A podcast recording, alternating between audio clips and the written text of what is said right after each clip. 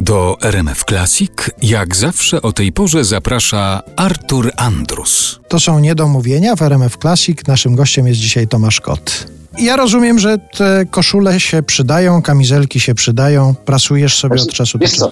ja to oczywiście przeżyłem na swój sposób. Przestałem to robić i tak dalej, bo, bo tym bardziej, że chwilę później, jakby przez to, że się przesunął tamten film, czy też go chwilowo odwołali, natychmiast miałem okazję, żeby bez problemów przystąpić do, do pracy przy A Perfect Enemy z Kikem Milo, z tym, Hiszpanem. Tu mówię o tym thrillerze, Mhm. więc jakby absolutnie... Poza tym, wiesz co, ja mam też trochę inny model. Jakby lata temu bardzo dużo pracy takiej wewnętrznej wykonałem nad...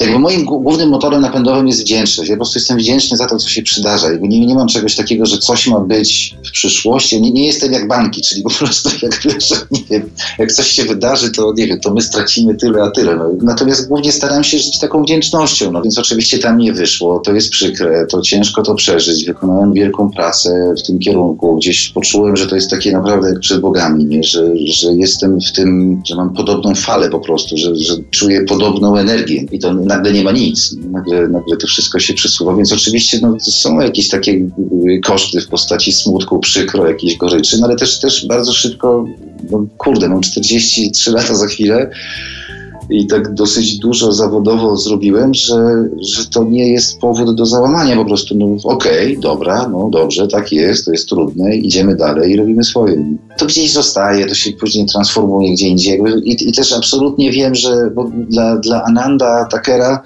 Tesla jest bardzo osobistą sprawą. On tam ma bardzo duże, duży taki background emocjonalny z życia prywatnego. On, on po prostu wie, że to musi zrobić, że to jest jego projekt życia i on był producentem wcześniej takiego pięknego filmu. Jak to się nazywało? Dziewczyna z perłą? Polski tytuł? Tak, dziewczyna z perłą. Mhm. No, więc on jakby też, też od strony producenckiej jest dosyć mocno ogarnięty i oczywiście no teraz czekamy. W międzyczasie miałem jeszcze jedno, jedno bardzo ciekawe spotkanie z takim kimś naprawdę wielkim z pierwszej półki i tam też mam pewne plany i on mi podczas tej rozmowy powiedział, że to jest perspektywa trzech, czterech lat. Więc wiesz, w jakimś sensie po prostu jakby czekam, obserwuję rozwój wydarzeń, nie? ale też, też bardzo się cieszę, że, że wszystko, co się udało zrobić do tej pory w tym ciężkim czasie, po prostu się udało. Rozumiem, że więcej raczej nie powiesz nic o tym spotkaniu z kimś ważnym i w jakiej to Kurde, sprawie. muszę się skonsultować, bo ja nie wiem, wiesz, bo to, to było na tyle istotne spotkanie, że jakby do dzisiaj gdzieś z tym żyję i... Czekaj, ja, nie, A, ja wiem, dobrze. No, nie, nie, nie będę ciągnął za język, absolutnie nie. Powiem ci tak, inaczej, powiem ci taką zagadkę.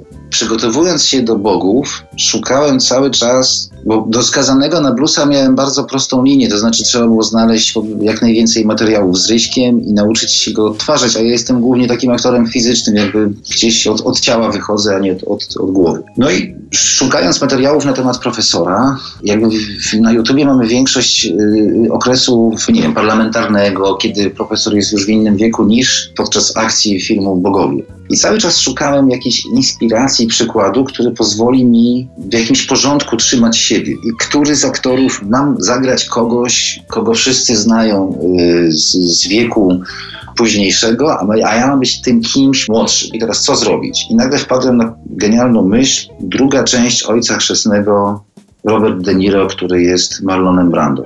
I tak sobie pomyślałem, kurde, muszę to wziąć na warsztat, muszę to zacząć analizować, muszę tak naprawdę tu szukać inspiracji, bo przecież wszystko jest dla nas. To nie o to chodzi, że to ja się czuję jakoś na równi i tak dalej. Po prostu wszystko, co jest dostępne w publicznej przestrzeni, może nas inspirować. Jakby wszystko, co było wypracowane, powstało i tak dalej. Pomyślałem sobie, czemu nie? Kurde, to jest tylko wyobraźnia. To nie potrzeba paszportu. Nie? Więc po prostu zacząłem myśleć o Robercie De Niro i o tym, jak, że on nie parodiował Branda, że on stworzył jakąś własną wariację, nie? Że, że ja muszę zrobić podobną rzecz, że absolutnie nie chciałbym skrzywdzić profesora i wejść w jakąkolwiek karykaturę i tak dalej. No i teraz powiem Ci tak, rok temu ku mojemu największemu zdumieniu życiowemu mogłem osobiście podziękować reżyserowi Ojca Chrzestnego za drugą część, ponieważ ona bezpośrednio wpłynęła na jakość filmu Bogowie, a zwłaszcza mojej roli i mogłem bezpośrednio podziękować facetowi. To zostawmy teraz tutaj takie niedomówienie.